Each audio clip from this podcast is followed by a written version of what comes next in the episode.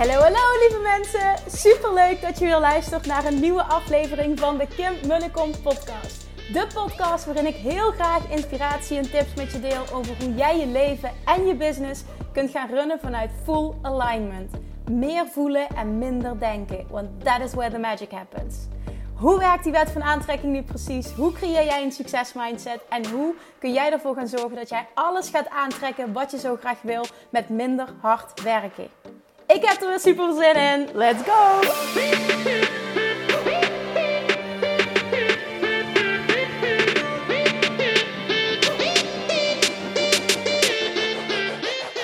Ja, vandaag heb ik een interview met een fantastisch mens. En wel Paulien Timmer, de auteur van Lang Plus Gelukkig. En Paulien is niet alleen auteur, ze is ook spreker, mindset coach en liefdescoach. Paulien weet echt alles over een gelukkige relatie krijgen en behouden. Zij heeft het boek geschreven Lang Plus Gelukkig, een fantastisch boek waarin zij de resultaten deelt van haar ehm, interview van 100 stellen die meer dan 40 jaar al uh, ja, happily ever after leven. En uh, haar eigen weg hierin is zo bijzonder ook. Gewoon haar reis als ondernemer.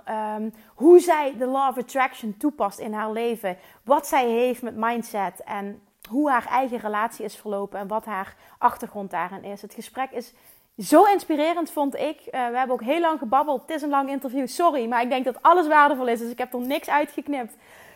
We gaan zo luisteren naar het interview met Pauline. Maar eerst nog even heel wat anders. Want de kaartjes, jongens, voor het live event van 24 januari gaan zo ontzettend hard. Dit had ik nooit verwacht. Je kunt nog een kaartje kopen op dit moment dat ik deze podcast opneem. Voor 24 januari. Het event wordt een master in geld manifesteren. Kun je nu nog kopen voor de early bird prijs van 49. Ik, ik ga gewoon Engels praten. De early bird prijs van 49 euro. Slechts 49 euro. Ik wil, die, wilde dus die prijs laten gelden tot en met 31 december. Maar heel eerlijk, denk ik dat er dan echt geen kaartjes meer zijn. Dus wil je er nog één, ben er dan nog snel bij. Stuur me een mailtje naar info.kimmunnekom.nl dan ga ik jou de mail toesturen die de dames op de mailinglijst uh, van mij gekregen hebben. Die ik uh, de dinsdagavond dat uh, eigenlijk de tickets live gingen, heb gestuurd. Daarin staat de aanmeldlink, plus je krijgt meer info. En dan kun je zorgen dat jij er nog bij bent. En er komen zoveel toffe mensen. Dit wil je echt niet missen. We gaan je hele money mindset aanpakken. Je gaat je hele geldverhalen schrijven, waardoor daarna geld jouw beste vriend gaat worden. En jij gaat leren hoe jij de wet van aantrekking kan gaan toepassen in life en business. Waardoor alles veel moeitelozer gaat. Dit is echt iets waar je bij wil zijn. Oké, okay, genoeg geluld. Wij gaan naar het interview met Pauline.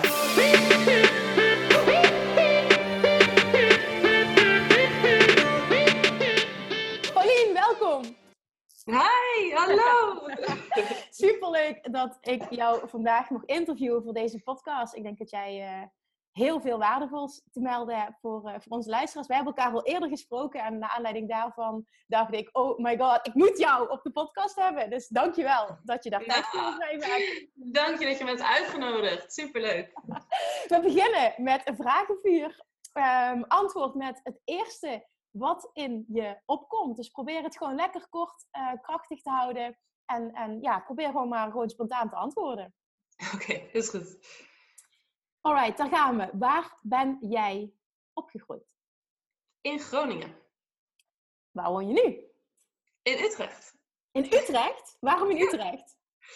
Uh, daar ben ik heen verhuisd na mijn studie in Wageningen. Okay. Omdat uh, mijn vriend daar toen Leuk. woonde. Ja. Leuk. Oké, okay, en wat is, wat is een, een, voor jou een hele bijzondere plek? De meest fijne plek waar je ooit bent geweest? Um, Portland. In Amerika. Portland, Oregon. Kun je daar een klein beetje over uitweiden? ja, we hebben daar een half jaar gewoond. Uh, vlak nadat we uh, getrouwd waren, vier jaar geleden. En uh, ja, het is echt een hele bijzondere stad. Heel hippie, heel erg vooruitstrevend. Gewoon een hele, hele bijzondere, beetje magische sfeer haast. Het is echt geweldig. Wat cool. Oh, wat cool. Ja, het is grappig dat je dit zegt. Want ik had maandag een interview met Jolande. Jolande zei San Diego. Dus ik heb nu al twee keer als meest bijzondere plek een plek in Amerika gehoord. Oh, wat grappig. Ja, ja dat is heel toevallig dit. Oké, okay, gaan we door. Wat is, je, wat is je favoriete quote? Oh, dat zijn er wel, dat zijn er wel veel. ik heb er niet per se één, maar ehm, eentje waar ik vaak aan denk en die ik heel mooi vind is uh, be grateful for what you have and ready for more. Ja. Dus zowel heel dankbaar voor wat er nu is en ook verlangen naar meer. Het mag er allebei zijn. Ja. ja, dat is helemaal in de lijn van Love Attraction dit. Ja, ja, ja, zeker. wat is je superpower? Um, ja zeggen tegen enge dingen, denk ik. Waar ik misschien ook nog niet helemaal klaar voor ben of me niet helemaal klaar voor voel en het toch gewoon doen. Dat is een interessante. Die heb ik nog nooit gehoord. Dit is een ah. goede. Ja zeggen tegen enge dingen. Ja, ja. Kan je, kan je ineens heel ver brengen. Ja, absoluut. Wat mooi. Wat cool dat je dit als superpower benoemt. Ik denk dat veel mensen daar niet over nadenken om zoiets te benoemen. Ja, grappig. Ja. Heel cool. Ja. Oké, wat is een van je meest favoriete boeken? Heb je er één? Ja, Leven in Liefde van Deepak Chopra. Oké, waarom die? Omdat die mijn leven heeft veranderd. Omdat die mijn beeld van relaties en van de liefde helemaal heeft veranderd op een moment dat, uh, dat, nou, dat ik daar echt niet meer in geloofde en uh, um, er niet positief over dacht. Oh, mooi. Oké, aanrader dus. Mm Oké, heb jij een ochtendritueel? Um, ja, dat heb ik zeker ik moet meteen ook zeggen dat ik daar niet super strikt in ben. En dat ik heel lang dacht dat dat wel moest. En me daarmee juist moeilijk maakte. Ja. Um, dus ik, ik heb het wel. Eigenlijk zodra ik wakker word, uh, doe ik mijn I am's. dus um, I am powerful, I am dat soort dingen. Gewoon ja. um, identiteitswerk. En uh, visualiseren en dankbaarheid ook altijd als Mooi wat jij zegt. Het resoneert heel erg met mij, omdat ik ben heel erg fan van Wayne Dyer en die spreekt heel erg over I am, de kracht van I am. Ja, ja, Mooi. precies. Oké, ehm, waar word jij momenteel door uitgedaagd? Is er iets wat je uitdaagt op dit moment? Ehm, ja, het is eigenlijk wel een beetje een rare uitdaging, maar het eerste wat bij me opkomt is accepteren dat het eigenlijk heel makkelijk gaat nu. ik heb echt drie jaar lang zo hard gewerkt, zo hard gehusseld en, en geworsteld. En nu ben ik op een punt, ook met mijn business vooral, waarbij het gewoon zo makkelijk gaat. Alles staat, alles komt ook heel makkelijk. En uh, ik merk echt dat het een uitdaging is om dat gewoon te accepteren. Omdat er bij jou een overtuiging zit, nog onbewust, um, iets bereiken, succes behalen gaat gepaard met keihard werken. Ja, ja, en het is grappig dat je inderdaad zegt, er zit nog een overtuiging, want die, die, die was veel erger. Ehm, dus daar heb ik al wel heel erg aan gewerkt. Maar het staat toevallig vandaag op de planning om daar verder aan te werken. oh, dat plan je ook echt in dan? Ja, ja dit stond echt uh, vandaag op mijn uh, mini-to-do-lijstje. En hoe, hoe ga je daar dan mee aan de slag? Wat, wat is, want ik denk dat heel veel luisteraars dit interessant vinden. Wat doe je dan? Um, ik laat ze echt los door middel van de Emotional Freedom Techniek. Ik weet niet of je dat kent. Ja, daar werk jij mee. Ja, dat klopt. Ja, klopt. Ja, dat is tappen. En dat, uh, nou, dat loslaten doe ik nu eigenlijk al acht jaar. En dat heeft echt me van nou, een heel diep dal naar uh, hier gebracht, waar ik nu ben, waar ik heel blij mee ben. Um, en het werkt gewoon altijd. Dus als ik merk dat iets niet helemaal soepel gaat, dan weet ik inderdaad dat daar een overtuiging onder zit. En uh, dan ga ik daaraan werken door middel van loslaten met de Emotional Freedom Technique. En dat is echt, dat is echt zo magisch. Want elke keer als ik dat doe en ik ga echt diep, ehm, dan, dan is de wereld daarna een klein beetje anders. Dat klinkt misschien heel raar, maar dan, dan gaat er iets makkelijker. Of dan zie ik dingen ineens anders. Of dan zie ik een oplossing die ik eerder niet zag. Dus het is echt uh, heel waardevol en voldoeninggevend om eraan te werken. Maar is het dan een soort van uh, voor jezelf? Je laat iets los waardoor je automatisch open komt te staan uh, om te ontvangen eigenlijk voor iets nieuws. Ja, ja dat, dat is een deel ervan, maar ook een deel, zeg maar, we krijgen onze overtuigingen vaak um, in de jaren dat we 0 tot 7 zijn. Want dan hebben we nog niet echt het, kritische vermogen om te kijken naar uh, wat anderen zeggen of wat we oppikken bijvoorbeeld van onze ouders en te kijken of wij daar ook echt wat aan hebben. We nemen het gewoon aan en we nemen het aan als onze eigen overtuigingen. En wat er dus vaak gebeurt is dat we nog steeds um, lopen, werken op die oude overtuigingen, die ons misschien helemaal niet meer dienen. En je hebt het niet per se door, omdat je het gewoon al zo gewend bent. Je doet dat al je hele leven. Maar het maakt, je wel, het maakt het je wel moeilijker. Als ik bijvoorbeeld dus inderdaad geloof het mag niet makkelijk gaan, dan zal ik mezelf saboteren. Dan zal ik het mezelf moeilijk maken, want zo sterk zijn overtuigingen, dat weet jij ook. dus daarom is het dat als je dat loslaat, dan uh, valt die sabotage, zeg maar, bijvoorbeeld weg. Dus dan gaat ineens iets veel makkelijker. En wat ik dan ook zo leuk vind aan dat tappen of die emotional freedom techniek, is dat je ook uh, positieve overtuigingen erin kan tappen die jou echt dienen en die jou helpen. Dus het is echt een beetje je, je mindset ontwerpen zodat het jou dient. Ja. Dit, dit, als je wil, kunnen we hier zo meteen eventjes wat dieper op ingaan. Want dit is wel een interessant stuk. Ik denk dat mensen hier heel veel aan gaan hebben. Als je wil, kunnen we daar wat uitweiden. Okay. Hier kan ik echt dagen over praten met jou. Oké, super. Dan gaan we daar even op terugkomen. Ik denk echt dat mensen hier heel veel uit gaan halen. Dus ik wil hier zeker dieper um, dieper op ingaan. Nog drie vragen heb ik voor jou. Heel kort. Wie is iemand die jouw leven heeft veranderd? Um, oh god, de eerste die in me opkomt is, is mijn man, Arjen. um, dat is misschien een beetje cliché, maar nee, ja. Het is super mooi wat je nu zegt. Ja, wel, maar het is echt zo. Uh, en, en het mooie is ook eigenlijk door heel erg zichzelf te zijn en uh, door onvoorwaardelijk van mij te houden, al vanaf het allereerste begin, heeft hij echt mijn leven veranderd. Of heeft hij in ieder geval iets in mij getriggerd waardoor ik mijn leven ging veranderen? Is dat de eerste keer um, dat jij in aanraking kwam ook met onvoorwaardelijke liefde? Met hem? Ja. ja, wel op deze manier. Ja, absoluut. Mooi. Ja. Nou, bijzonder. Mooi dat je dit als antwoord geeft. Hm. Wat is een grote droom die jij nog hebt? Um, ik wil heel graag in binnen vijf jaar 10.000 vrouwen helpen eh, om belemmerende overtuigingen los te laten in de liefde, maar ook in hun leven. En het gaat niet, niet eens zozeer om die 10.000, om dat getal of om dat cijfer, maar dat zorgt ervoor, of dat helpt me om groter te denken. Ehm, omdat ik gewoon merk hoe erg het mensen helpt. Dus als je me dit, dat is wel grappig, als je me dit een jaar of twee of drie jaar geleden had gevraagd, dan denk ik dat um, antwoorden zouden zijn op een mooie plek wonen of um, nou ja, dat soort, dat soort dingen die ook echt een beetje voor mij waren. Maar er is gewoon al zoveel eigenlijk mijn kant op gekomen. Uh, wat dat betreft. En ik ben zo gelukkig met mijn leven dat, dat dit dan uiteindelijk alleen nog maar overblijft of zo. Dus dan zeg je nu van ik, ik ben klaar om echt in, die, in dat geven te stappen. En ik heb zoveel voor mezelf gerealiseerd. En nu, nu ben ik klaar om een hele tijd heel veel anderen te helpen om datzelfde voor elkaar te krijgen. Ja, ja, en ik denk dat het geven er altijd al wel in zat. Hoor. Maar ja, dat, dat um, het is wel mooi dat hoe meer je inderdaad voor jezelf realiseert, hoe puurder dat geven wordt. Want je hebt echt niks meer nodig. Ja, ja dat ik denk dat je anders in het leven gaat staan. Hè? Doordat je, ja.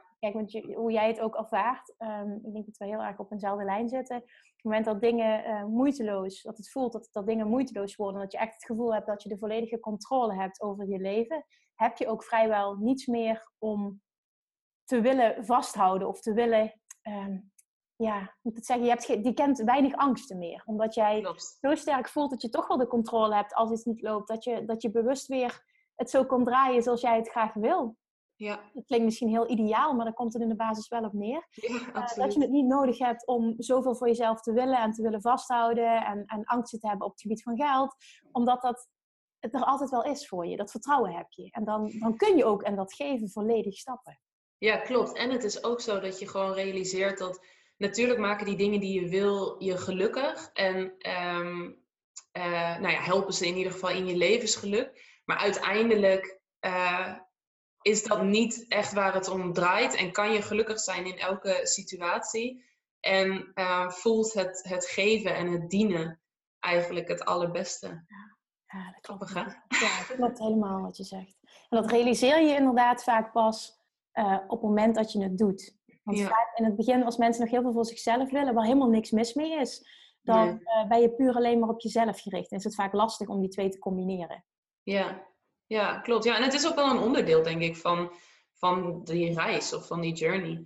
Ja. Um, om dingen voor jezelf te willen. En dat, dat is juist goed, inderdaad. Ik wil absoluut niet dat iemand nu denkt: oh, ik mag niks voor mezelf willen. Nee, juist wel. Juist wel, want het, het, kan. Het is voor iedereen er. Iedereen is het helemaal 100% waard. Um, dus ga dat juist lekker ervaren. Het is ook niet dat het een het ander uitsluit. Hè? Dat moeten we denk ik ook heel even heel duidelijk maken. Nee, absoluut. Oké, als laatste. Waar ben jij vandaag speciaal dankbaar voor? Ehm, het is grappig, als ik, als ik ochtends wakker word, dan doe ik dus meteen uh, ook dankbaarheid. En dan is echt, de eerste dingen zijn altijd zo basic. Ik ben gewoon heel dankbaar dat ik een bed heb. En dat ik uh, een dak boven mijn hoofd heb. En ook bijvoorbeeld dat er hier gewoon water uit de kraan komt die wij kunnen drinken. En dat klinkt allemaal zo, ja, haast vanzelfsprekend. Maar ik, ik ja, ik kan daar echt zoveel dankbaarheid voor voelen. Ja, jij lacht ermee, maar het is ontzettend bijzonder dat jij dit doet, dat je dit voelt, dat jij zo ver, ja, het klinkt zo ver, net of dat, je, dat er bepaalde gradaties zijn, zo bedoel ik dat niet, maar dat je dat zo voor jezelf kunt voelen, dat je het echt in die kleine dingen kunt zoeken. Want dat betekent dus dat jij letterlijk elke dag wel iets hebt om dankbaar voor te zijn. Ja, ja joh, de hele dag door. Ja, ja zeker. En ik ben heel dankbaar voor inspirerende mensen, zoals jij, en dit soort gesprekken. En dat is gewoon zo fijn, omdat um, dat versterkt elkaar zo, weet je wel. Dat is echt zo tof, dat er gewoon andere karakters in de game of life zijn, waarmee je uh, ja, zo kunt praten en dingen kunt uitwisselen. Echt heel tof. Ja, ik voel het precies hetzelfde. Dankjewel. Dankjewel voor je mooie antwoorden. Hm. Hey, nu hè? Ja. Ik, uh, ik zou heel graag um, willen weten, kijk, ik weet het, maar ik wil graag jou, um, dat iedereen jou leert kennen. Wie ben jij? Wat doe je precies? En hoe heeft jouw pad als ondernemer tot nu toe eruit gezien? Oh man, dat zijn... Dat het zijn drie vragen, maar misschien beginnen met van, oké, wie ben je en wat doe je precies? Hoe zou je jezelf omschrijven op dit moment? Um, ik ben Pauline Timmer. ik, uh, ja, ik ben... Um, het is altijd lastig inderdaad hoe, precies te omschrijven, maar ik, ik, schrijf boeken, ik ben auteur, uh, spreker en, en liefdescoach. Dus alles op het gebied van, van liefde en dan vooral heel erg gericht op uh, twijfel. Dus twijfel, de ware, is dit de ware, de ware aantrekken. Um, daar focus ik me nu heel erg op en, en daar heb ik uh, online programma's ook voor. Um, dus dat doe ik nu vooral. Oké, okay, en dus, dus een, een paar. Um, wat voor soort mensen kun jij helpen? Wat voor soort mensen help jij? Wie zijn jouw klanten vooral? Uh, degene die in een relatie zitten, misschien nog maar net, misschien al een tijdje, en uh, die twijfelen. Dus die gewoon niet zeker weten of dit de ware is of niet, die echt gedachten hebben, twijfelgedachten hebben. Want twijfel heeft nog echt heel erg een, um, een soort negatieve uh, rep, een negatieve associatie. Mm -hmm. maar het is zoiets onbegrepen.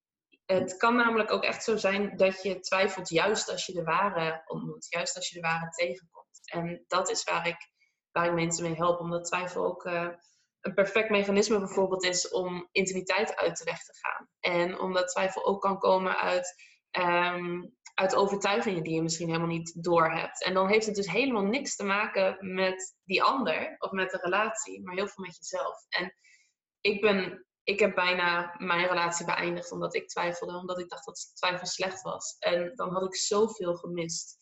Dus dat je is hebt het nu over je huidige relatie die je bijna beëindigd had. Ja, klopt. Ja. Wauw. Ja. Oké. En ja, jij hebt een boek geschreven. Klopt. Ja, twee zelfs. Ja, twee inderdaad. Twee. Wat zijn de titels van je boeken? Uh, Lang plus gelukkig is de eerste. Hm? En de tweede heet 50 relatieboosters een happy relatie in vijf minuten per dag. ja, want ik denk alleen dat stukje al. Heel veel ondernemers willen graag een boek schrijven. We hebben geen idee hoe en wat. Nu hoeven we daar niet zo diep op in te gaan. Maar hoe heb jij dat proces ervaren van, uh, van een boek schrijven? Hoe is, hoe is dat voor jou verlopen? Kort. Ja, nou dat is wel grappig. Want ik, ik ben eigenlijk daar nooit mee begonnen met het idee van... Ik ga een boek, boek schrijven en dat gaat ook uitgegeven worden. En Um, dus ik had nooit die stip op de horizon. Maar wat er, wat er gebeurde was, ik twijfelde dus ook heel erg in mijn relatie. En um, toen na mijn studie was ik gewoon heel benieuwd hoe een lang en gelukkig huwelijk eruit zag in het echt. Want ik las heel veel over scheidingen en over problemen en over valkuilen, wat je niet moest doen. En toen dacht ik, ja, maar wat moet ik dan wel doen? En hoe ziet het er dan wel uit? En toen heb ik via via een stel gevonden wat uh, eh, 50 jaar getrouwd was. En uh, gelukkig getrouwd was ook. En toen ging ik daar langs met echt een vragenlijst van 100 vragen ongeveer. En ehm, gewoon puur voor mezelf. Ik was gewoon puur alleen maar benieuwd naar hun en naar uh, wat zij mij konden vertellen over een lang en gelukkig huwelijk, waar ik die keuze op moest baseren. En dat was zo'n bijzonder interview. Het was echt, uh, ik weet niet of ik heel veel verwachtingen had, maar ik zat de hele tijd op het puntje van mijn stoel. En uh, ik zag gewoon een bepaalde energie tussen ze. Ik zag gewoon de liefde tussen ze. Waren overduidelijk echt gek op elkaar, grapjes met elkaar aan het maken, zaten de hele tijd tegen elkaar aan. En dacht ik echt, wow, dit wil ik ook. Over 50 jaar nog zo gek op elkaar zijn. Hoe oud was jij toen? Het was ik 23. Ja. En had jij een, heb jij een studierichting, uh, of een, een, richting gestudeerd, zeg maar, die daarmee verband houdt? Moest dit voor jouw studie of is dit puur eigen interesse wat je, wat je toen gedaan hebt? Nee, dit was puur eigen interesse. Ja, nee, ik heb gezondheidsvoorlichting gestudeerd, dus dat is ah, echt wel iets okay. anders. En ja. waar kwam die interesse vandaan? Worstel jij op dat moment uh, met de liefde zelf? Ja, ja, ik twijfelde dus heel erg in mijn eigen uh, relatie. Um, en ik, ik, ik wist gewoon niet waar, uh, ja, waar mensen die keuze op baseerden. Dus hoe, hoe weet je nou of iemand een ware is of niet? En, en ja, hoe ziet een gelukkig huwelijk er überhaupt uit? En toen heb jij een vragenlijst gemaakt, ben je naar iemand toegegaan, heb je ze geïnterviewd en toen? en toen zat ik in de auto terug en toen dacht ik, dit is echt zo bijzonder. Hier moet ik echt veel meer van weten. Ik ga honderd stellen interviewen. En toen kwam ik dus thuis en toen ging ik dat vertellen aan Arjen. en toen zei hij, 100. Oh, uh, oké. En ik belde mijn moeder en die zei, oh, maar je kan ook 30 mensen interviewen. Dat is toch al heel erg veel. Zo, nee, ik ga er 100 interviewen. en ik weet niet zo heel goed waarom het nou precies 100 was, maar ik, ja, het, dat, het voelde voor mij alsof dat echt grondig was, zeg maar. Dan had ik echt veel verhalen gehoord. Ja. Uiteindelijk ben ik ook heel erg blij dat ik dat gedaan heb. Want na 30 interviews begin je uh, echt herhalingen te horen. Dus daar ja. had ik er helemaal gelijk in met die 30. Maar bij ongeveer 70 begin je echt patronen te herkennen. Dus begin je de grotere lijnen te herkennen. En dat is zo waardevol. Nou, dus toen, ik denk ergens bij het tiende interview of zo, dacht ik van, maar meer mensen moeten hiervan weten. Het is zo zonde dat we allemaal een beetje het wiel opnieuw aan het uitvinden zijn, weet je wel. Ja. Um, um, ik ga hier een boek over schrijven. En toen ben ik ook gewoon echt meteen begonnen. Ik heb dat helemaal niet opgezocht hoe dat moest of zo. Ik dacht gewoon, oké, ik ga hier een boek van maken. en um, het is echt gewoon haast aandoenlijk als ik daar nu aan terugdenk hoe ik dat, hoe ik dat toen aanpakte. En tegelijkertijd ben ik zo uh, blij met dat meisje van toen die dat zo uh, hoe, hoe, noem je dat? Ongedwongen, on, heel vrij. Zeg Ja, ja. Nou, jij zegt van, ik, ik vind het bijna aandoenlijk. Wat in mij opkomt is, ik denk er niet over na, ik ga het gewoon doen. Hoe superkrachtig is dat? Ja, ja. Ja, dus ik ging gewoon in een Word-document gewoon al die verhalen opschrijven. En uh, uh, zelf echt een beetje bedenken hoe het er dan uit moest zien. En uiteindelijk heb ik het ook eerst in eigen beheer uitgegeven, omdat het interviewen van de stellen duurde uh, al ongeveer anderhalf jaar en ik wilde ook alle stellen een boek geven. Um, dus toen, uh, toen heb ik het eerst zelf uitgegeven. Maar hoe doe je dat, Pauline? Hoe doe je dat? Gewoon alles, alles googelen. Ik google altijd alles. Oké, okay, goed. Dus, ja, echt hoor. Met, met YouTube tutorials en Google kan je ongeveer alles doen in je hele leven. Nou, dat is mooi dat jij dit zegt. Ik roep altijd namelijk everything is figure outable. En dat klopt. Ja, Op het moment dat je ja. vindingrijk bent, vind je alles. Ja, dat is Marie Forleo, hè? Ja, precies. Dat is Marie Forleo. Ja, klopt. Ja, ja nee, en de, ja, dat, dat is inderdaad ook hoe ik leef. Je kan alles uitzoeken. En het maakt niet uit of je ergens goed in bent of niet. Of een talent in hebt of niet. Als Kijk, ik denk wat, wat me toen zo hielp, was dat ik gewoon zo'n enorm vuur voelde om dat te doen. Ik wilde zo graag dat deze verhalen bij anderen uh, terechtkwamen. Dus het ging helemaal niet om mij. Het ging ook helemaal niet om ik wil een boek schrijven omdat ik een boek wil schrijven. Het, het ging, in eerste instantie ook niet om geld verdienen. Het ging niet om ondernemer zijn. Nee. Ach man, juist helemaal niet. Want ik, ik, ik investeerde alleen maar in dat boek. En ik, ik dacht niet dat ik ondernemer zou zijn. Ik dacht het is een soort tussenjaar. Zo zag ik het. Ik doe dit omdat ik gewoon zo sterk voel dat ik dit wil doen en moet doen. En dan vervolgens ga ik een baan zoeken. Dat was, dat was echt het plan. En dat was ook wat ik had besproken. En um, waar, waar Arjen achter stond en mijn ouders achter stonden. En um, ja, dus het was, het was gewoon echt vanuit dat vuur van ik wil gewoon heel graag dat mensen deze verhalen horen. Deze hele bijzondere verhalen die ik mag horen van ja. deze stellen. Uh, die wil ik verspreiden. En ehm, dat heeft me altijd heel erg gedreven. En dat betekent niet dat het allemaal makkelijk ging hoor. Want ik heb Nee. echt eh, op de bank zitten janken met wat, wat doe ik nou in hemelsnaam met mijn leven. En mensen die het ook echt totaal niet begrepen. Die, die zeiden van eh, ja, je moet gewoon een baan zoeken. Wat is dit nou? En eh, denk je nou echt dat, dat dit wat gaat worden? Maar, ehm, maar ja, ik heb, ik heb doorgezet. En ehm, het, wat dus echt een heel bijzonder verhaal is. En wat, wat eigenlijk ook echt heel erg de law of attraction is, ook al kende ik dat toen nog niet, was hoe het uiteindelijk bij een eh, uitgever is gekomen. Want ik had dus alleen maar een heel sterk verlangen dat dit bij zoveel mogelijk mensen zou komen. En ehm, dat zoveel mogelijk mensen deze verhalen zouden lezen, zodat zij niet in diezelfde valkuilen zouden stappen. En dat was eigenlijk een heel puur verlangen. Daar zat, daar zat helemaal niet, eh, ik wil geld verdienen of zo eh, bij. En ik denk juist daardoor kwam ik. ehm, ik ging op 6 mei had ik de boekpresentatie van het boek wat ik in eigen beheer uit ging geven. Dat was op een zondag en ik had er echt een, een heel ding van gemaakt, want ik wilde ook al alle stellen uitnodigen.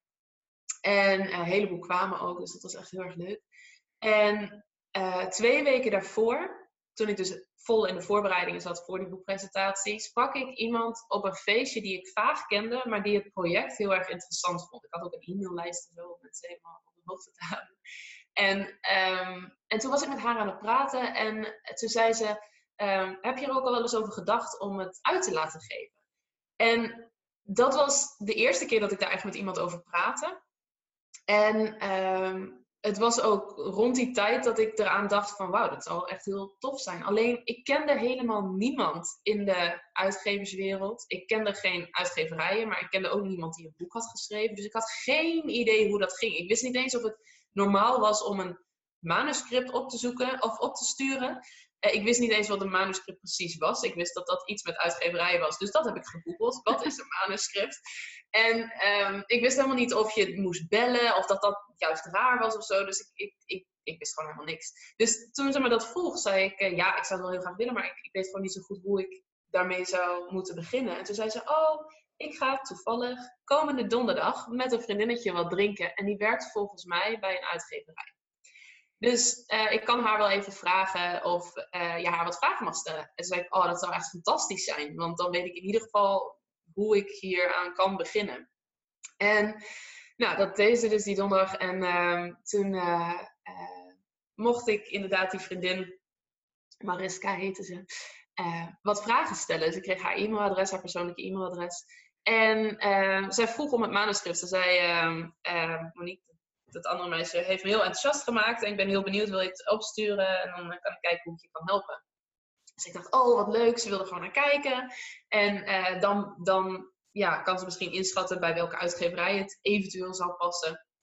En toen, een paar dagen daarna, zei ze: eh, Nou, ik heb het gelezen, ik vind het heel interessant. Vind je het oké als ik het naar een van de redacteuren hier eh, op de redactie eh, stuur? En toen dacht ik: Oh ja, tuurlijk. Oh, wat lief dat ze, dat ze nog een soort van second opinion wilde. eh. dus ik was, ik was echt best wel heel erg naïef. Ja, ja, Wat ook juist wel heel erg hielp om mij heel unattached te laten zijn. absoluut. En ehm, toen kreeg ik een paar dagen daarna, dus dit was, eh, ik geloof, vijf dagen voor de boekpresentatie, waarna ik dus in een soort zwart gat zou vallen, ehm, kreeg ik een mailtje van eh ene Sophie. En die, eh, die zei, eh, ja, ik heb het boek gekregen, wil je langskomen komende maandag? Dus dat was de dag na de boekpresentatie, om tien uur s ochtends. En nog steeds, ik met mijn naïeve hoofdje dacht, oh, ze wil gewoon even, ja, ze willen, me, ze willen me gewoon helpen. Ik wist gewoon echt helemaal niks van de uitgeverswereld, dus ik wist helemaal niet hoe weinig tijd ze hebben en al dat soort dingen. Ja, Ehm, dus ik ging daarheen. En ik denk dat ik ergens al wel voelde van, oh, misschien is dit ook wel meer. Maar ik denk dat ik het mezelf ook niet helemaal toestond om dat te geloven. Want ondertussen had ik wel gehoord dat ehm, vlak voor de boekpresentatie dat er 6000 manuscripten bij een uitgeverij binnen wordt eh, gestuurd. En dat Ja. er iets van vijf of zes worden aangenomen. Maar, maar één van die zes is een nieuwe auteur. Ze willen eigenlijk alleen nog maar investeren in, ehm, ja, in auteurs die gewoon al bekend zijn. Of bekende mensen die echt al een grote following hebben. Nou, dat Ja. zeker niet. Dus eh, toen dacht ik, ja, die kansen zijn heel klein. Maar dat vuur bleef. Dus ik dacht, ik, ik doe het gewoon en ik kijk wel. En als dit niet lukt, dan doe ik het zelf. Dan ga ik zelf een grotere oplage in eigen beheer doen en dan ga ik het allemaal zelf regelen uh, om het bij meer mensen te krijgen. Dus dat was een beetje mijn plan B, wat er ook voor uh, zorgde of hielp om unattached te blijven. Maar ik ging dus die maandag daarheen. En, uh, en toen zat Sophie uh, daar met de armen over elkaar, echt een beetje zo heel afwachtend. En ze zei: Ja, ik heb het gelezen, ik vind het wel interessant, maar ik ben eigenlijk wel benieuwd naar jouw persoonlijke verhaal hierachter. Dus toen vertelde ik dat. En toen veranderde daarna echt haar hele lichaamshouding. En zei ze: Ja, nou, dat was eigenlijk het enige wat ik nog uh, wilde weten. En dat klinkt heel erg goed. Dus ik ga voorstellen uh, dat we dit boek uit gaan geven hier bij Prometheus. En, uh, en dan ga ik ook zeggen dat ze gek zijn als ze het laten gaan. En ik zat daar echt met open mond te luisteren. Ik wist al wel dat het Prometheus was waar ik heen ging. En ik dacht, oh, Prometheus, dat, dat klinkt wel bekend. En toen liep ik, ik weet nog dat ik naar mijn boekenkast liep. En ik dacht, even kijken of ik een boek heb. En echt elk derde, vierde boek was van Prometheus. en ik ging het googelen en het was de grootste onafhankelijke uitgever. Dus nou, ik, toen wist ik echt niet meer wat ik moest doen. Ik uh, zat daar in dat enorme grachtenpand in, in Amsterdam, waar ik me echt heel klein voelde tussen ja. powerhouses. Ja. en, en ze zei dit. En ik dacht, wat, wat, wat, wat gebeurt er? En toen, hoe, is dat toen, hoe is dat toen verder gegaan? Nou, ze zei, ik, woensdag gaan we het erover hebben. Klaar dat je dan uh, waarschijnlijk de week daarna weet, want we moeten er nog even over nadenken. Maar woensdag om vijf over vier, dus vijf minuten na de vergadering, belde ze me en zei ze: We willen je boek uitgeven. Kan je morgen langskomen om te tekenen? En toen heb ik echt heel hard gehuild. Echt, alles kwam eruit van de afgelopen, die, die anderhalf jaar ervoor, dat ik niet wist waar dit heen ging. Dat mensen me voor gek verklaarden. Dat mensen zeiden dat dit zo'n risico was. Dat, um, dat ja, dat ik nooit zou weten of het echt uh, aan zou slaan of niet. En hoe kan je nou zo'n zo'n risico nemen? Um, hoe kan je op Arjen's zak leven? Dat soort dingen. Echt al, al die angsten en dat gevoel van ben ik nou echt gek? Of, of zitten meer mensen hiermee? Ben ik niet de enige? Dat kwam er allemaal uit. En uh, nou ja, toen, uh, toen ging het uitgeven. En, en uh, dat is in begin 2016 is uitgekomen. En het heeft ook super veel media-aandacht gekregen. Wat dus uh, uitwijst dat heel veel meer mensen hiermee zaten. Het raakte echt een snaar. Wie heeft ervoor gezorgd dat het media-aandacht heeft gekregen? Uh, Prometheus, ja. En de, Jij zelf, oké. Okay. Ja, ja, ja, ja. Maar wat daarbij wel hielp, denk ik, was dat het verhaal achter het verhaal, zeg maar. Het was natuurlijk het boek, maar ja, het was ook het ja. verhaal dat een 23-jarig meisje daar naar op zoek ging. Terwijl ik daar dus nooit met dat idee mee begon. Het was, en juist omdat het zo oprecht was, werkte het. Wat heb jij terugkijkend, hè? Hoe kijk je daarnaar terug? Wat heb jij hiervan geleerd? Welke patronen zie jij terug? Um, dat hoe puurder je verlangen is, en hoe liever je echt iets doet, gewoon echt om mensen te, te helpen, te dienen.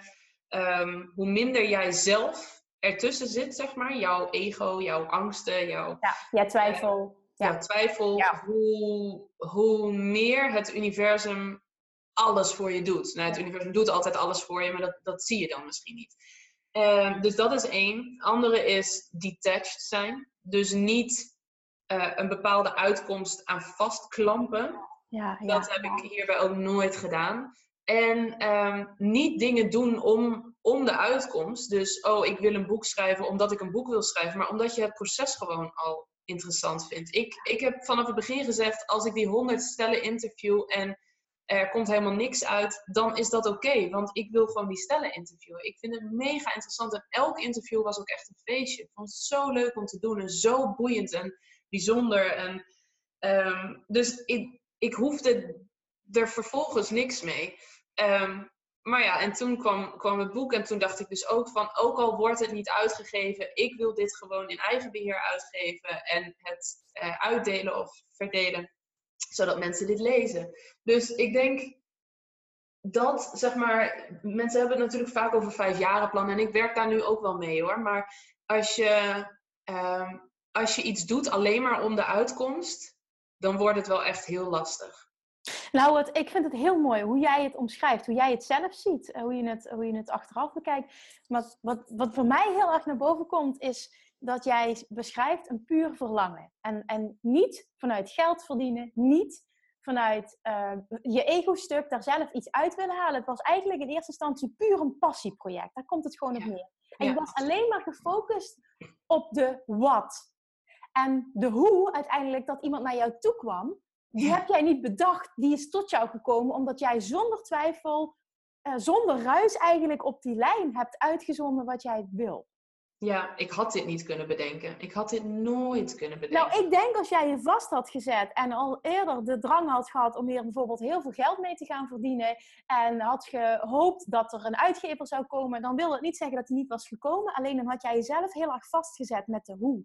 Plus er was er waarschijnlijk heel veel twijfel in gekropen op het moment dat het niet lukte, niet snel genoeg ging. Dan snap je, dan ga je namelijk ruis eh, daarin gooien en dan, dan ga je het kapot maken met je verstand. Waardoor dat pure verlangen, de, de focus op de wat, die wordt, ja, dat is niet meer je dominante verlangen. Daar komt iets bij. En dat maakt het kapot of brengt het in ieder geval niet zo snel uh, bij je als dat jij het verlangt. Klopt. En jij hebt het eigenlijk meteen gekregen. Je, je, je vroeg en je hebt gekregen. En dat komt puur door wat jij omschrijft. Dat, dat stukje en daarnaast zeg je ook met die detachment, hè? En ik, ik gebruik die zin heel vaak. Have a mind that is open to everything and attached to nothing. Van, yeah. uh, nou ja, Wayne Dyer zegt hem, hij is oorspronkelijk van opera. Dat is zo bijzonder dat je dan iets wenst, um, maar dat je open staat op alle manieren om maar te ontvangen. En dat je uiteindelijk ook je geluk, je eigen waarde niet koppelt aan wat de uitkomst zal zijn. Maar dat je oké bent no matter what. Ja, en dit is natuurlijk wel echt het frustrerende stukje van de Law of Attraction, hè, als we even heel eerlijk zijn. Want um, juist als je iets heel erg graag wil, komt het dus niet. Ja. En juist als je het niet meer wil, dan komt het. Ja. Ik bedoel, hoe paradoxaal is dat eigenlijk? Ja, maar het is wel mooi om deze voorbeelden te horen. Dat je echt mm -hmm. ziet hoe het kan ontstaan op het moment dat je in die, in die puurheid, in die passie zit. In die, uh, ja, alleen maar het verlangen van ik wil dit.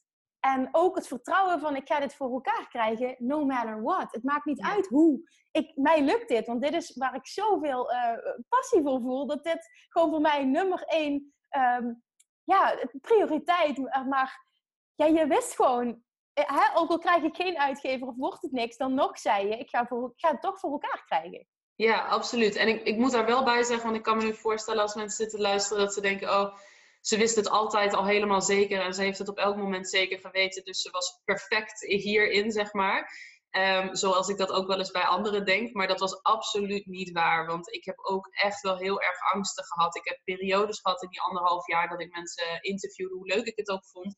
Dat ik echt dacht, waar ben ik mee bezig? Wat nou als het allemaal gewoon helemaal voor niks is? En dan zat ik ook echt best wel diep. Dus er zaten ook absoluut wel wel angsten en belemmerende overtuigingen ook heel erg. Ik had heel veel moeite met uh, zichtbaar worden. En daar, mm-hmm. um, dat nam ik mezelf ook kwalijk de hele tijd. Die anderhalf jaar dat ik mensen interviewde. Ik dacht, ja, als ik dit bij zoveel mogelijk mensen wil, wil krijgen, dan moet ik er veel meer over vertellen. Maar dat durf ik niet. Dus het is absoluut niet zo dat ik hier perfect in was. Dat wil ik wel even gezegd hebben, want dat hoeft dus ook niet. Nee, wat heel mooi hierin is, is dat het wel zo is dat jouw dominante uh, ja, moet ik het niet te zweverig maken, maar je dominante vibratie, het dominante verlangen, was er een van het gaat lukken. Ja. En af en toe was er twijfel, maar dat ja. nam niet de overhand. Want anders had jij niet gekregen wat je wilde. Nee, klopt. Maar het hoeft dus inderdaad niet, niet perfect, perfect, te zijn. Nee, het gaat klopt. om die dominante vibratie. Juist, ja, juist. Oh, dat is echt een ontzettend mooi voorbeeld wat jij nu noemt. en als je het hebt over die zichtbaarheid hè, en die angsten, um, kun jij vertellen wat wat jouw angsten daarin waren. Want die zijn ja. denk ik ook heel herkenbaar. Waar was je ik bang was, voor? Ik was heel bang om het fout te doen. Dus dat was wel echt een stukje uh, ego. Dat ging echt om mij. Om iets fout te zeggen. Ik was heel bang dat mensen me stom zouden vinden. Uh, het stom vonden waar ik mee bezig was. Of dat ik. Ik was ook heel bang dat ik iets fout zou doen naar de stellen toe. Dus dat ik iets verkeerd zou zeggen en dat ze dan boos op me zouden worden. Um, ja. Wat overigens uiteindelijk ook uh, met één stel is gebeurd. Ik weet eigenlijk niet eens meer waarom dat was. Uiteindelijk heb ik een heel mooi gesprek erover gehad, maar toen stond ik al helemaal niet meer zo in. Dus uh, het is ook mooi hoe dat dan weer verandert. Um, maar uiteindelijk vonden de stellen het ook gewoon best wel spannend dat het, dat het echt een boek werd, wat uitgegeven werd. En ik heb iedereen gebeld en ik, heb ze allemaal uitgelegd en ik ben bij een paar echt nog langs gegaan. Ehm, maar nou ja, ik kan, ik kan me natuurlijk heel goed voorstellen dat dat spannend was. Maar um, en je ja, angsten zaten vooral bij jezelf, zeg je. Dat is, dat is eigenlijk een ego-stuk wat heel herkenbaar is. Hè? Want we zijn allemaal, eh, willen we toch ja, in de basis leuk gevonden worden. En we willen ja, dat, dat mensen het meteen snappen. En je gaat altijd, op het moment dat je zichtbaarder wordt, dat zul je ook ervaren hebben, ga je toch op de een of andere manier kritiek krijgen van mensen die het niet snappen. Of mensen die jaloers op je zijn. Of... Ja ja, dat hoort er dan bij. Maar ik vind het wel heel knap dat je, dat je toch door hebt gezet. En dat, dat dit uiteindelijk ehm, de uitkomst is geweest. Kun je ook vertellen wanneer het moment kwam uh, dat je jezelf, dat je echt dacht van oké, ik, ik kan hier mijn baan van maken. Dit, dit is wat ik kan doen. Dit, ik kan hier geld mee verdienen. Wanneer kwam ja, die shift eigenlijk? Uh, dat was toen uh, mijn boek uit was gekomen, was begin 2016. Toen had ik dus heel veel interviews met ehm, met de media, met tijdschriften. En toen had ik ook een interview met Kek Mama. En uh, ik was zo aan het vertellen. Ik was toen ook net teruggekomen uit, uit Amerika, uit Portland. Dus we, we woonden in Portland op het moment dat ik mijn boek aan het editen was. En echt toen we terugkwamen, we landden volgens mij op de tiende en op de twaalfde kwam mijn boek uit en begon de hele, de hele orkaan. Ja. ja. dus um, uh, dat ging allemaal heel erg snel. Maar toen had ik dus een, een interview met Kijk Mama. En ik had in Amerika ook uh, opleidingen gedaan met John Gottman. Echt een rockstar op het gebied van relaties. Mm die al 40 jaar onderzoek doet naar wat wel werkt in huwelijken. Dus ik zat daar echt super gepassioneerd over te vertellen bij haar. En toen zei ze, heb jij hier ook een, uh, een online programma over of zo? En um, ik zo, wat je precies? En ze zei, ja, nou, het zou mooi zijn als, je, als, mensen dit gewoon van jou konden krijgen in een soort programmavorm. Um, en ja, het, het, het, tijdschrift komt uit op, uh, nou dat was twee maanden later, ik weet precies de datum niet meer. Dus zou je dat dan af kunnen hebben? Ik zei ja, is goed, tuurlijk. En toen um, ging ik naar huis en toen ging ik opzoeken, wat is een online programma?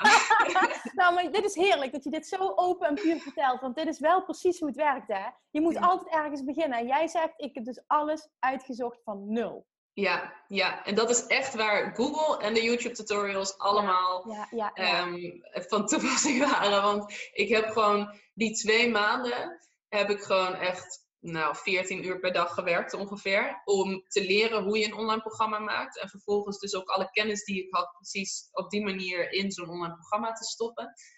En uiteindelijk uh, had ik het niet helemaal af, maar wel de eerste modules. En dan deed ik het zeg maar met drip content. Dus uh, de latere modules kwamen ja, dan later. Ja, ja. Um, en heel wat mensen kochten het gewoon meteen al. Dus dat was natuurlijk ook wel een beetje overweldigend. Dus ik, ik ben ook heel erg in het ondernemerschap gerold. Want het was nog steeds het idee dat ik gewoon een baan zou gaan zoeken. Het was nog steeds het idee dat ik gewoon zou gaan solliciteren. Ik weet niet precies als wat.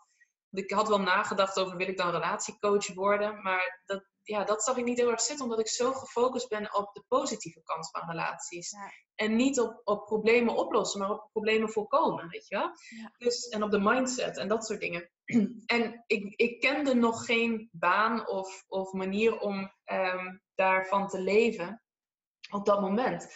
Dus um, nou ja, toen dacht ik van wow, dit is mogelijk. Maar toen kwam dus mijn overtuiging, het mag niet makkelijk gaan. Want dit ging eigenlijk, ik heb ook keihard voor gewerkt, maar nog steeds voelde het alsof het soort van makkelijk ging. Omdat ik het ook zo leuk vond om te doen. En um, dus toen, ja, dat is een tijd goed gegaan. En uh, dat, dat online programma liep eigenlijk best wel goed en mensen waren er ook heel blij mee. Maar ik was niet helemaal blij met het online programma. Ik, ik wist dat ik gewoon beter kon dan dat. En, um, en ik had het gevoel dat ik er geen grip op had. Ik wist gewoon niet waarom het werkte. Het werkte, maar ik wist niet waarom. En toen had ik volgens mij twee maanden of zo dat ik echt heel weinig van die programma's verkocht. En, en als ik er nu op terugkijk, denk ik, oh, het is eigenlijk echt bijzonder dat er, dat er zoveel werden verkocht. Want ik zou het nu zo anders hebben aangepakt. Het programma beter gemaakt, maar ik had er ook geen hele duidelijke naam voor. Dat soort dingen die, waarvan ik nu weet dat het echt heel belangrijk is. Um, maar ja, dus toen, toen het twee maanden een beetje stil viel. En nu weet ik waarom dat is, want nu ken ik het ritme van wanneer mensen behoefte hebben aan, uh, aan programma's in welke jaargetijden. Daar zit soms uh, echt een, een, ritme in. Um, maar toen, toen raakte ik dus een beetje in paniek. Toen dacht ik, ja shit, ik heb al anderhalf jaar eigenlijk niet de kost verdiend. En, uh, of de kost, in, in ieder geval echt je. bijgedragen. Mm -hmm. ik had bijbaantjes alleen maar. En ik moet hier wel echt mee kunnen gaan verdienen. Dus toen kwam dat ego erin. En toen ging ik dus heel erg vanuit dat geldstuk denken. Ja. En dat voelde de hele tijd zo kut. zo niet goed. Dat ik op een gegeven moment, ik denk na een half jaar nadat het dus een beetje uh, stil viel, toen, uh, toen ben ik gaan solliciteren bij een, uh, bij een bedrijf, een online marketingbureau. Omdat ik het gewoon, ik wilde het begrijpen. Ik moest en zou het gaan begrijpen. Want ik wilde niet vanuit dat geld gaan uh, denken. Dus ik ging solliciteren om een soort basisinkomen te hebben voor mezelf. Waardoor ik niet meer vanuit geld willen verdienen dingen kon aanbieden. Wat bedoel je precies met ik wilde het begrijpen? Ik wilde, ik wilde het ondernemerschap begrijpen. Oh, op die manier. Ja. Okay. Dus, um, en had je het gevoel, als ik die, die baan uh, aanneem, dan leer ik uh, veel over online marketing? En dat heb ja, ik nodig. Ja, dat was iets wat ik gewoon nog helemaal niet kende. Dus toen, um, toen ben ik, toen dacht wat, ik dus. Okay. Mag ik nog even vragen, wat maakte dan dat je, dat je kiest voor een baan zoeken en niet voor, oké, ik ga een cursus volgen over online marketing? Waar, waarom heb je die keuze niet gemaakt? Nou, dat, had ik ook, dat heb ik ook gedaan hoor. Maar ik merkte gewoon dat, ik, ik wist dus eigenlijk wel dat je een, unattached moet zijn, detached moet zijn, om um, dit soort dingen voor elkaar te krijgen. En dat lukte me niet, omdat financiële onzekerheid op dat moment voor mij echt een paniekding was. Het was echt een veiligheidsissue. Dus dat ging heel diep. Dus ik kon niet meer helder nadenken. Dus dan kan je 25.000 verschillende cursussen doen. Maar als jouw overtuigingen en jouw mindset ja. gewoon niet lekker lopen, ik bedoel, jij weet daar alles van, ja. Dan, Dan, kan je, dan kan je al die cursussen en opleidingen doen en dan uiteindelijk saboteer je het alsnog. Dus ik wilde gewoon die basis hebben. En toen dacht ik, oké, dus ik, ik, ik, wil graag een baan. Wat voor baan wil ik dan? Ik weet nog niet zoveel over online marketing. Dus toen heb ik het leukste online marketingbureau opgezocht in Utrecht. En toen ben ik daarheen gefietst met mijn cv. En um, gevraagd of ze een gesprek, uh, tijd hadden voor een gesprek. En dat hadden ze. En toen hadden ze eigenlijk geen online marketeer meer nodig. Maar, um, maar ze hadden geen tekstschrijver in huis. Alleen maar met een tekstbureau waar ze mee werkten. Dus toen zei ik, uh, van, oh, maar zou dat niet veel handiger zijn om dat in huis te hebben? Want dan kan je veel sneller met elkaar overleggen. En uh, nou ja, toen, toen waren ze het daarmee eens. Dus toen aan het einde had ik een baan. toen ik daar weer wegliep. Ja, dus dat was ook zo'n ding van. Dat vond ik super eng om te doen. Vond ik echt heel erg eng. Maar ik wist, bijna iedereen stuurt alleen maar zijn cv in. En, uh, en gaat niet langs. En daarmee heb je dan dus al een enorm voor, voordeel. Ook al is het heel erg eng. En uiteindelijk ben ik super blij dat ik dat heb gedaan. Want het was heel fijn ook om met collega's te werken. Want eerlijk gezegd was dat ook wel een heel grote uh, reden. Um, ik miste gewoon mensen om me heen. En, um, en ik heb dus heel veel daar geleerd. Maar het gaf me ook gewoon die, die zekerheid of dat basisvertrouwen. Terwijl ik dus eigenlijk al de hele tijd genoeg verdiende. Dat was het rare. Maar toch, voor jou energetisch voelde dat niet als genoeg. Daar komt Precies. het gewoon op neer. Ja. ja, ja ja, dus ik, ja, mensen vroegen van, maar doe je dit dan om het geld? Zo, ja, nou, eigenlijk niet, maar wel om, om de zekerheid van het geld, zeg maar. Ja. ja. Dus, um, ja, dus dat was echt, dat was echt heel, uh, heel fijn. En dat heb ik uiteindelijk een jaar gedaan, ook omdat het gewoon zo gezellig was daar. Uh, echt een heel fijn bedrijf. en daar ben ik afgelopen zomer mee, uh, mee gestopt. Dus uh, toen ben ik wat, echt... Ja, wat maakte dat je, dat je daar dan mee stopt? Wat is uiteindelijk dan die overweging dat je denkt van... Oké, okay, nu ga ik ervoor, nu ben ik er klaar voor. Wat was dat moment? Nou, dat is dus wel grappig. Want ik, ik begon echt... Ik, ik laat dus al acht jaar los. Hè, wat ik net vertelde over de emotional freedom techniek en tapping en zo. En dat doe ik al acht jaar gewoon op liefde mogen ontvangen. En in mijn relatie en dat soort dingen. En ik had het gewoon nog niet gedaan op ondernemerschap, omdat ik van mezelf vond dat ik dat moest begrijpen in één keer. Dus het was gewoon nog niet echt in me opgekomen om het ook daarop toe te passen. Ik weet dat dat nu heel raar klinkt. Het klinkt ook raar als ik het nu zeg. Maar het was niet in me opgekomen. Dus ik ging vanaf uh, mei, volgens mij, of nee, juni, ging ik er echt op, uh, op tappen. Echt vol, vol, vol op tappen. En loslaten. Al die overtuigingen, dus ook die financiële uh, onzekerheid en veiligheid. En um, ik ging ook opschrijven wat voor bedrijf ik wilde hebben. Want ik wist, ik wist heel veel over relaties en over een relatie manifesteren. En toen dacht ik, oké, als ik dat nou allemaal één op één kopieer naar mijn business. Ik ging gewoon die stappen allemaal af. Dus ik ging alle regels voor mijn bedrijf zeg maar opschrijven. Hoe ik wilde dat het bedrijf was. Zo had ik nog helemaal niet gedacht tot, die, tot dat moment. En vervolgens ging ik dus alles loslaten wat daar niet mee in lijn was. Wat ik er nog spannend aan vond. En daar ben ik de afgelopen zes maanden, vijf of zes maanden dus fulltime mee bezig geweest. En binnen no time, echt waar, het is, echt bizar, had ik dus een nieuw online programma geschreven in de zomer. Die echt 100.000 procent gewoon uit mijn hart kwam. Wat, wat eigenlijk al er heel lang in zat, maar wat ik gewoon niet zag tot dat moment. En dat kwam vooral omdat je al die tijd heel erg in je hoofd zat op dat moment. En niet echt, echt wat dat stukje in je hart, vertrouwen op je intuïtie en openstaan. Ja, ja, ja, en ook omdat het dus niet makkelijk mocht zijn. Dus ik dacht altijd heel ingewikkeld en heel moeilijk en groot. En um, ja, dus, nou, dus toen kwam dat ineens heel makkelijk. En toen wist ik helemaal niet of dat aan zou slaan. Maar toen stuurde ik uh, uh, drie mailtjes naar mijn mailinglijst. En toen, toen verkocht ik er 22 in drie dagen. ja, dus toen dacht ik, oh man, hier zitten mensen op te wachten. En het was zo... Het was het was zo bijzonder om te merken. Want ik had dus echt twee jaar, anderhalf jaar, twee jaar zo geworsteld. En alles geprobeerd voor mijn gevoel. En het enige wat ik hoefde te doen was loslaten. En gewoon doen wat er echt in me opkwam en in mijn hart leefde. En toen ging het lopen. Ja, ik vind het een fantastisch verhaal. Ik herken het enorm. Ik, ik weet wat jij voelt. Ehm, wat ik nu wel heel graag, uh, waar ik dieper op in wil gaan, nog een van de laatste dingen is dat tappen. Kun jij vertellen, wat is de Emotional Freedom Techniek? Uh, kun, je het, kun je het simpel verwoorden? En wat is dat tappen precies? Wat doe je? Ja, natuurlijk wil ik erover praten, want het is fantastisch iets. um, het is een combinatie tussen een uh, eeuwenoude Chinese geneeswijze, acupressuur, en moderne psychologie. Mm en uh, ik denk dat iedereen wel een beetje een, een, beeld heeft bij acupunctuur met de naalden. En die worden dan op bepaalde punten in je, in je gezicht bijvoorbeeld gezet. En die, worden, die punten waar ze in worden gezet corresponderen met meridianen. Dus dat is het, het energiesysteem van je lichaam, zoals dat in de Chinese geneeswijze uh, wordt gezien. Mm En acupressuur is dus dezelfde punten, maar niet met naalden, maar door te kloppen op die punten. Dus daar moet je je bij voorstellen als je eh, een beetje ongeduldig bent en je zit aan een tafel, dan ben je zo met je, met je vingers op de tafel aan het kloppen, weet je wel? Ja. Ja, nou dat, dat kloppen doe je dan op bepaalde punten ehm, op je gezicht. Ik ben het nu aan het doen en niemand ziet het natuurlijk. uh, je hebt dus bepaalde punten op je gezicht. en um, je sleutelbenen is er één boven op je hoofd en zo.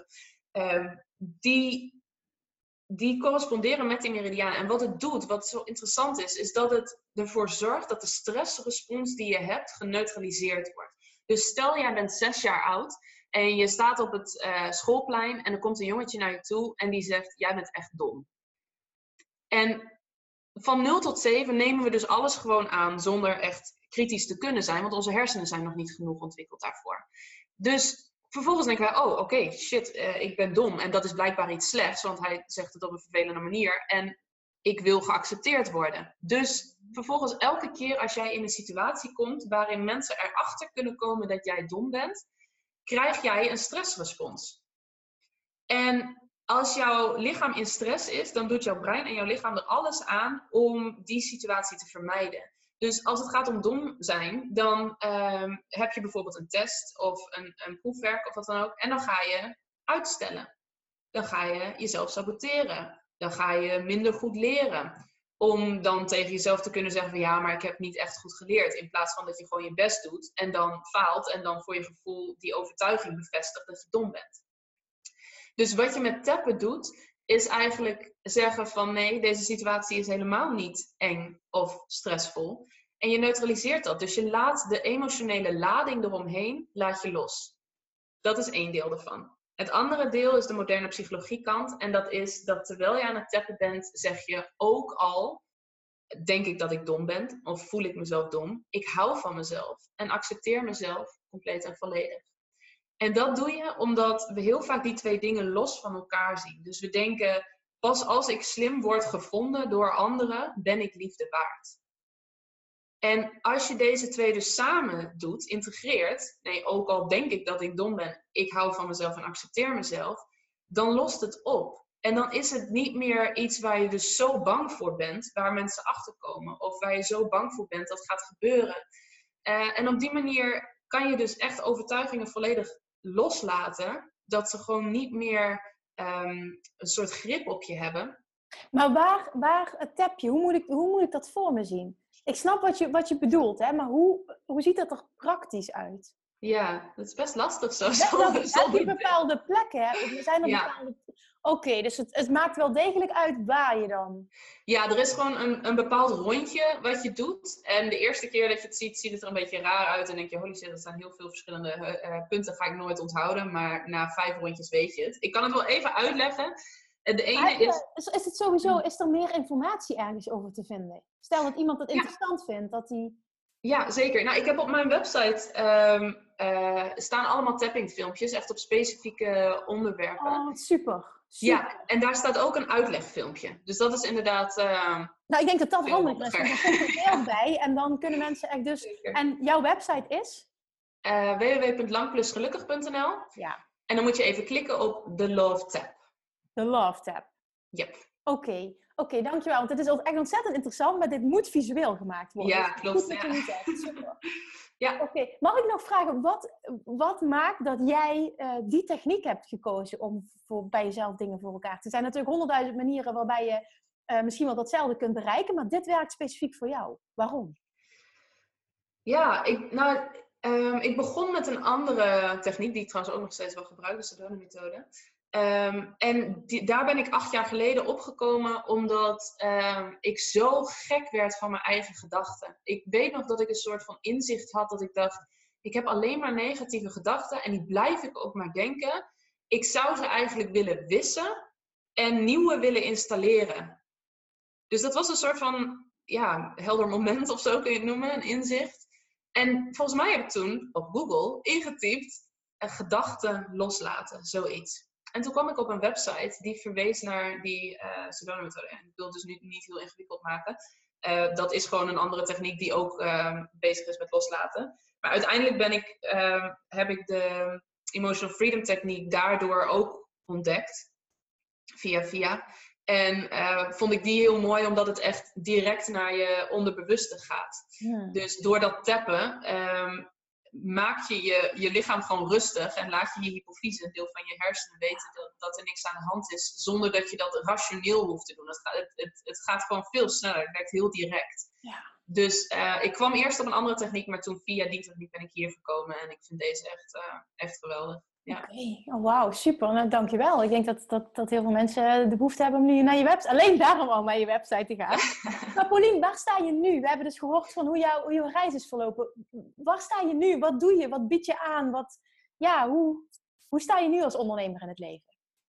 Oh, nu geniet ik er zo van. Echt extreem ik heb gewoon zoveel plezier hierin en het voelt zo goed, zo, zo goed om... Je werkt fulltime voor jezelf nu. Ja. Afgelopen zomer zeg je, het, gaat, het voelt nu heel erg moeiteloos. Je hebt losgelaten dat er nog een belemmerende overtuiging zat. Die zei, je, moet, je verdient pas echt dit op het moment dat je keihard werkt. Dus dat is een enorme doorbraak geweest, kan ik me voorstellen. Klopt, ja, ja. enorm. Ja.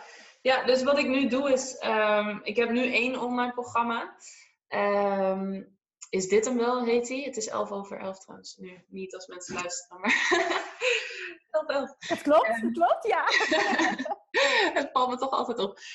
Um, maar is dit hem wel? Het is een online programma en uh, het is het online programma om liefdevol je twijfel los te laten. Want er zijn dus echt heel veel mensen die twijfelen en ik hoor zo vaak van mensen die zeggen: Oh, maar ik dacht dat ik de enige was. Nee, dat is absoluut niet zo. Echt het gebeurt zoveel en het hoeft dus niks te betekenen. En dat is waar we, waar we met dat online programma, um, ja, waar ik mensen mee help. En ook om dichter bij je intuïtie te komen. Want uiteindelijk ben jij natuurlijk de enige, of het nou is in je business of in je relatie, de enige die weet wat echt bij je past. Niemand kan je dat vertellen. Je kan nog zoveel opleidingen en checklijstjes en weet ik veel wat doen. Maar het gaat erom dat jij een relatie of een business bouwt, creëert, aantrekt die echt bij jou past. En je intuïtie is de enige die je daar echt bij kan helpen. Maar hoe weet je of je intuïtie aan het spreken is en niet je angst of je belemmerende overtuigingen? Want die zijn zo sterk dat ze je intuïtie vaak vertroebelen. Dus dat is wat we in het online programma doen. Die, die belemmerende overtuigingen en die angst eigenlijk loslaten, waardoor je echt um, directer contact hebt met je intuïtie. Super, super, super mooi. Want jij trekt inderdaad wat jij doet vooral in een liefde. Dat, dat probeer ik um, inderdaad eh, ondernemers, we hebben dat allebei in het breedste zin, hè, gewoon hoe we in het leven staan, maar het komt precies op hetzelfde neer. Ja, absoluut. En dat voelde ik heel sterk toen we de vorige keer met elkaar praten. Ik denk precies wat jij vertelt. Ik snap je, ik voel je. En of je dat niet toepast op de liefde, je past het toe uh, als ondernemer. Uh, ja, je kan het op alle vlakken van je leven toepassen. Maar het komt allemaal in de basis op hetzelfde neer. Qua strategie werkt niks op het moment dat je basis niet goed is. Ja, en het is zo grappig, want ik denk dat we hebben uh, eigenlijk allemaal wel een gebied waar het makkelijk gaat. Ja. En een gebied waar het niet makkelijk gaat. Van de drie grote. Dus gezondheid, uh, geld en relaties. Ja. En dan kan het zo logisch zijn in één gebied. En zo onlogisch in ander. Want ik help bijvoorbeeld dus ook heel veel ondernemers, vrouwen. Die als ik dan vraag, hoe maak jij keuzes in je bedrijf? Dan zeggen ze, oh, op intuïtie, op gevoel. Ja. En dan zeg ik, hoe maak jij keuzes in de liefde? En dan valt het stil. En dan Ja. zeggen ze, oh, ja, oh, daar analyseer ik. En dan, ga- dan ga ik heel erg nadenken. Dus wat werkt in een bedrijf op deze manier, passen ze niet toe in de liefde. Dus dat is zo, dat is zo interessant, toch? Dat zal je ook merken met eh diëten. En, eh, Nou, als je het hebt over. Ik ben even aan, het- aan het reflecteren op mezelf. Ik heb zelf enorm met mijn lijf geworsteld. Dat is Ja. tien jaar geleden. Dat heb ik toen als eerste onder controle gekregen. Toen ehm, is heel erg dat liefdestuk heel lang een, een heel. Ja, een dra ik wil het niet een te overdreven maken, maar ik heb daar heel erg mee geworsteld. hmm, En ik denk dat de basis daarvan is, ik hoorde jou net vertellen, van 0 tot en met 7, een soort van verlatingsangst die steeds weer naar boven kwam. En, en uiteindelijk qua business heb ik ook dus heel erg lang, wat jij vertelt, eh, alles maar bereikt op basis van presteren en keihard werken en drammen en doen wat iedereen doet. En vooral niet voelen, maar vooral doorknallen, doorknallen, doorknallen. Wat me wel heel veel bereikt heeft, maar het gaf me niet die voldoening en het gaf me niet, ja, uiteindelijk eh, dat gevoel van, ja, van tevredenheid en van echt succes. Ik, op het moment dat je jezelf voorbij gaat, jij snapt wat ik bedoel, dan kun je wel heel veel bereiken. Maar op het moment dat het je niet het gevoel geeft waar je zo sterk naar verlangt, heb je nog helemaal niks. Ik voelde mij niet succesvol op de een of andere manier. En ja, toen er die doorbraak is gekomen, wat ik uiteindelijk dus wel al op het gebied van, van, van voeding heb bereikt, dat ik mijn lichaam onder controle had, vrij makkelijk.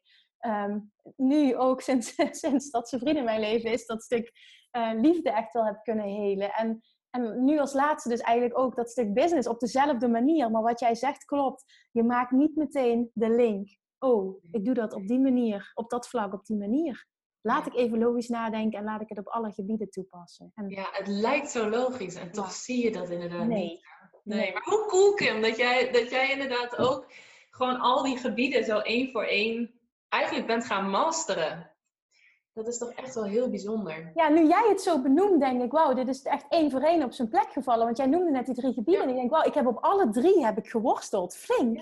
Ja, ik ook hoor. En ik denk iedereen. Het is, het is, kijk, de een gaat iets makkelijker dan de ander. Ja, maar ja. ehm, ik denk voordat je ze echt allemaal mastert, ben je... Want je ziet ook, dat zie ik dus in de ondernemerswereld, heel veel succesvolle ondernemers hebben hun lichaam niet onder controle. Ja, ja. Dat zie ik echt om me heen. En dan, dan denk, dat dus is verder geen oordeel, maar voor mijzelf is dat iets wat ik wel belangrijk vind. Voor mij hoort dat bij ultieme balans. En ja. bij, bij echt alle vlakken masteren, wat, wat ook weer gekoppeld is voor mij dan weer aan echt gelukkig zijn. En dan Ja. zie ik dat dat heel veel nog gebeurt op actie en doordrammen en vooral maar niet voelen wat je nodig hebt.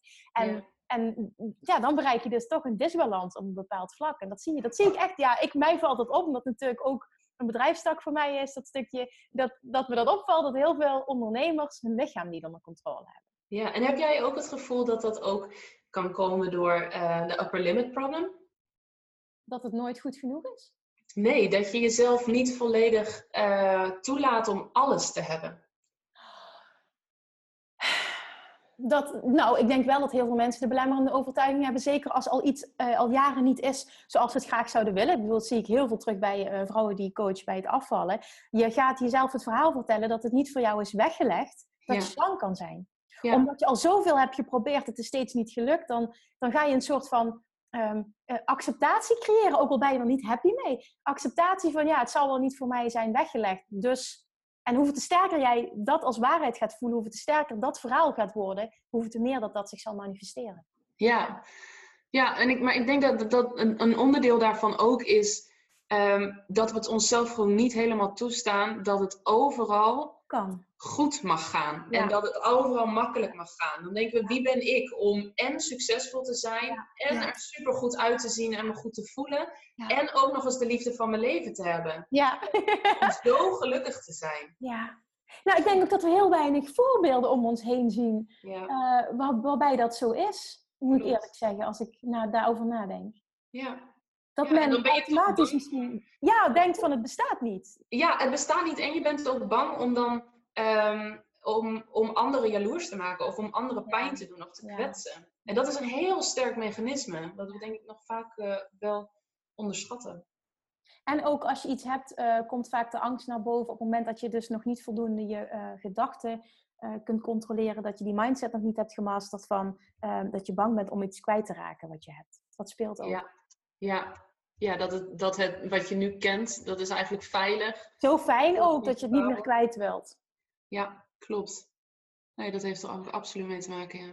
Wat heb jij een mooi verhaal en wat, wat heb jij, wat leef jij, onbewust misschien, maar ik weet nu ook bewust, wat leef jij de law of attraction? En wat, wat, wat ik hier heel erg uithaal uit jouw verhaal, wat ik echt zie als les voor heel veel mensen, op het moment dat je een verlangen hebt, dan Ga er gewoon voor en zie gaandeweg wel wat je tegenkomt. Geloof erin dat je droom bestaat. Geloof erin dat je alles kunt uitzoeken hè, wat je maar wil. Daar ben jij ook een voorbeeld van. Van als je iets wil, dan, dan kun, je, kun je erachter komen hoe het werkt. Dat, dat het niet per se gepaard hoeft te gaan met superveel investeren. Begin gewoon ergens en ben vooral niet te bang voor wat als het niet lukt. Maar focus op kleine stapjes en, en blijf focussen op jouw passie en jouw verlangen. En ja, ik wil graag doorgaan met zoveel meer verhalen van inspirerende mensen, inspirerende ondernemers. Gewoon naar voren brengen, naar voren schuiven, de, de wereld ingooien. Om, om nog meer mensen het gevoel te geven dat het dus wel bestaat. Dat je alles kan hebben en dat het bestaat om je droom te leven. Hoe tof is het dat jij dit gewoon doet? Ik vind het zo gaaf. En jij ook. Ja, ik vind het geweldig dat je dit doet. Ik vind het geweldig dat je dat je inderdaad uh, zulke, zulke mensen interviewt. En, en meer voorbeelden, want we hebben allemaal meer voorbeelden nodig. Om te zien hoe het wel kan en om te zien hoe het ook kan. En we zijn het allemaal zo ontzettend waard. Waard, ja. En je begint met niks en kijk nu wat er dan kan ontstaan. Ja. Ja, en ook wat dus zo'n keuze voor passie en voor iets wat jij gewoon graag wil doen, je allemaal kan geven. Want dat had ik nooit kunnen voorzien. Dus onderschat niet waar je zelf toe in staat bent, maar ook wat je intuïtie en je passie volgen voor je kan doen. Pauline, ik wilde jou gaan vragen, wat is, wat is een advies wat je mensen wil meegeven? Maar die laatste twee zinnen, die vatten alles samen. Eigenlijk wel, ja. dat. Dat, ja. Dat is echt de beste takeaway nu die je maar had kunnen geven. Ik wil jou... Is er nog iets wat ik jou niet gevraagd heb, wat je absoluut nog had willen vertellen? Nee, ik vond het echt een geweldig gesprek en ik kan met jou nog acht uur doorpraten ongeveer. Um, maar nee. Dat kunnen wij trouwens echt, hè? Dit is geen ja. wij kunnen dit echt. ja, er zit geen einde aan. Nee, ik, heb, ik heb er zo ontzettend van genoten. Heel erg bedankt hiervoor. Super. Jij, dankjewel voor je tijd. Dankjewel voor je inspiratie. Dankjewel ook voor uh, dat stukje Emotional Freedom Techniek. Daar kunnen mensen direct mee aan de slag. En als mensen jou willen vinden, waar kunnen ze dan naartoe? Als mensen meer over jou willen weten, als je willen gaan volgen, waar moeten ze dan naartoe? Uh, naar mijn website www.langplusgelukkig.nl En je kan me volgen op Instagram. Paulien.timmer is mijn handle. En uh, op Facebook. Op Facebook. Gelukkig. Ja, top. Nou, ga dat zeker allemaal doen. Pauline is echt een inspiratie sowieso voor ondernemers van wat mogelijk is op het moment dat je echt een droom hebt, erin gelooft en er gewoon voor durft te gaan. En daarnaast, als je worstelt in de liefde, je, je worstelt met die twijfels, je herkent je in ja, dat type persoon wat jij net omschreef, Paulien, dan ga absoluut ook naar haar website en uh, ga kijken of Paulien degene is die jou daarbij kan helpen. Paulien, dankjewel. Wij gaan afsluiten en uh, tot de volgende keer. Jij ook heel erg bedankt. Doei! Super dankjewel voor het luisteren. En mocht je deze aflevering nou ontzettend inspirerend hebben gevonden, zou je dan alsjeblieft eventjes de moeite willen nemen om naar iTunes te gaan en een korte review willen achterlaten. Want alleen op deze manier kan de podcast groeien, kunnen we meer mensen bereiken, omdat de zichtbaarheid wordt vergroot. En ik zou het super leuk vinden als je luistert, dat je even een screenshot maakt van de aflevering die je luistert en uh, mij even tagt op social media. Mocht je nog suggesties hebben voor een bepaald onderwerp, iets waar je meer over zou willen weten, dan stuur me alsjeblieft een berichtje, ook op social media. Op Instagram bijvoorbeeld, als je me daar nog niet volgt, dan get your butt on Instagram. Of op Facebook, of je stuurt me een mailtje naar info.kimmunnekom.nl en beantwoord ik al je vragen met alle, alle, alle liefde. Bye bye voor now.